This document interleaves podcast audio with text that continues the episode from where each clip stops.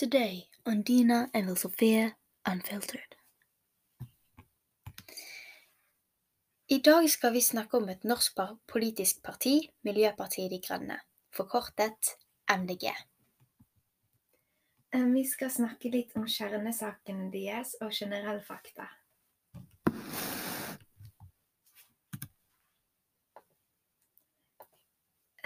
Ja, og de kjernesakene vi skal snakke om, det er klima miljø, livskvalitet og nye jobber til oljearbeiderne.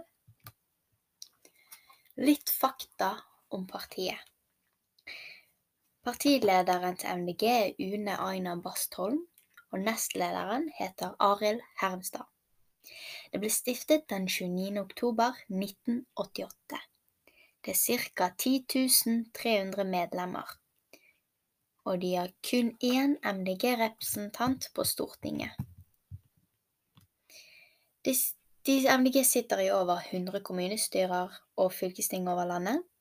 En annen viktig person er Lan Marie Berg, som var tidligere nestleder, men som trakk seg for å være i Miljø- og samferdselsbyrådet, men som ikke er der lenger. Valget i 2017 kan man si var veldig bra for MDG. De fikk 3,2 eh, på landsbasis. Og det var 94 788 stemmer de fikk i 2017. Og det gikk også veldig bra i kommunevalget i 2019. De heter jo Miljøpartiet De Grønne, så det er det jo en selvfølge at en av deres kjernesaker er klima og miljø. Og de mener da at vi er nødt til å handle nå, men ikke handle på butikken, men at vi er nødt til å starte å gjøre noe for å redde klima og miljøet. Um, og de mener da at kull, olje og gass er da hovedårsaken til klimakrisen. De har lyst til å stoppe med produsering av fossilbiler og motorsykler innen 2023.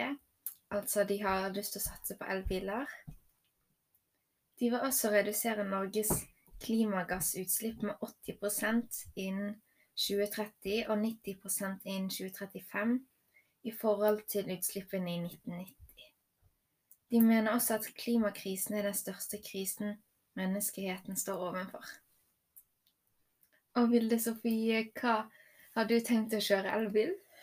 Altså, ja, jeg tenker jo det i fremtiden. For begge mine foreldre har jo elbiler. Har dere det? Ja. Ja, altså, selv om vi bruker veldig mye CO2-utslipp ved å lage en elbil, så vil over tid det være bedre enn å desi- diesel- og bensinbil bruker jo mye mer, så det vil hjelpe mye mer å elbil. Har, er det noe du tenker i fremtiden, eller? Ja, jeg er enig med det som du sier her. Ja, ok, det er bra. For da skal vi snakke om olje og gass. Altså, MDG er et veldig viktig miljø, som du sa, og de er veldig sånn hjertesaker at de skal stoppe utbygging- utbyggingen av olje. For de mener at oljebransjen er jo hovedgrunnen til utslippene i Norge. Men i fremtiden så er olje ut. Det er ikke bra. Og da er ikke noe mer av den. Men det var også veldig viktig, ikke bare for MDG og resten av hele Norge, at oljearbeiderne får en jobbgaranti. Og derfor spurte vi MDG Bergen om hva vil dere at skal skje videre for de som må slutte i oljebransjen. Og da skrev Susanne Vågel, lokal, lokallagsleder i MDG Bergen. Nye grønne jobber. Det vil de ha. Vi, vi, vi skal omstille disse jobbene gjennom en storsatsing på lav- og nullslippsløsninger på sokkelen. F.eks. jobber innenfor havvind, karbonfangst og -lagring.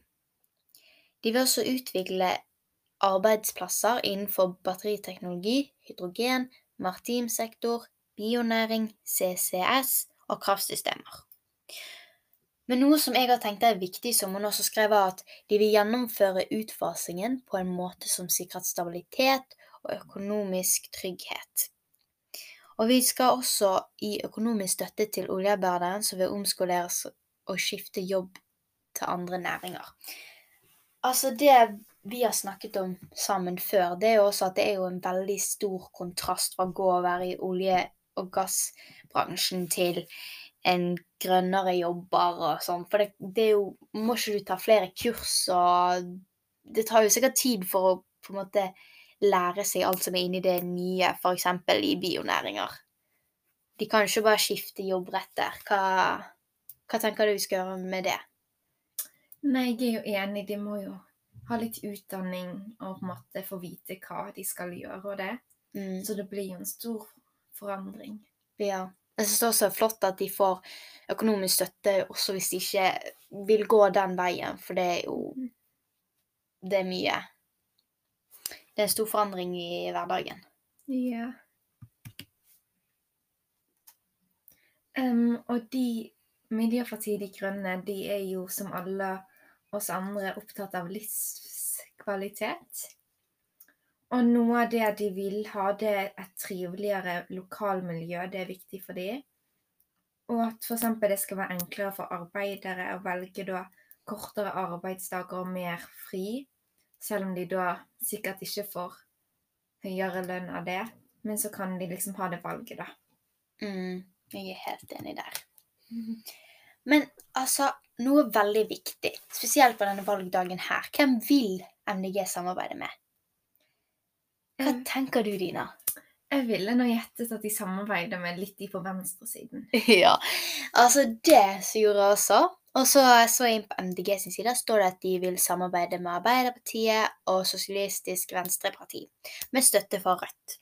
Men ikke med Senterpartiet. Det står ikke noe om at de vil. Men det som er veldig viktig for MDG, og det er en god fordel, det er at Arbeiderpartiet er avhengig av samarbeid med MDG. For det at for at Arbeiderpartiet skal komme over måte, grensen med flest mandater og vinne over høyresiden, så trenger de MDG. Hvis MDG kommer over 4% på landsbasis, så vil MDG være veldig viktig samarbeidspartner for Arbeiderpartiet. Og vi har jo sendt ut noen spørsmål, og vi har fått noen tilbakemeldinger. Han ene vi sendte ut til, det var Johan Nils Anders Nødtsæter. Og da fikk vi tilbakemelding at vi må gjøre litt mer research sjøl når det er skoleoppgave. Så sendte han oss noen linker, og så sa han gi en lyd hvis dere ikke finner noen gode svar. Lykke til.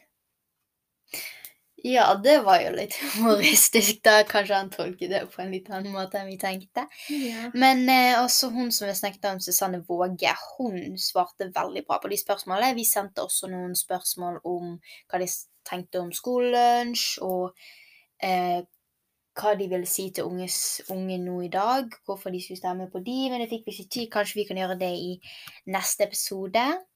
Men tusen takk for at du hørte på Abel Sofie og Dina Unfiltered, MDG Unfiltered. Det var veldig kjekt, og så får du høre mer på oss seinere. Takk for oss.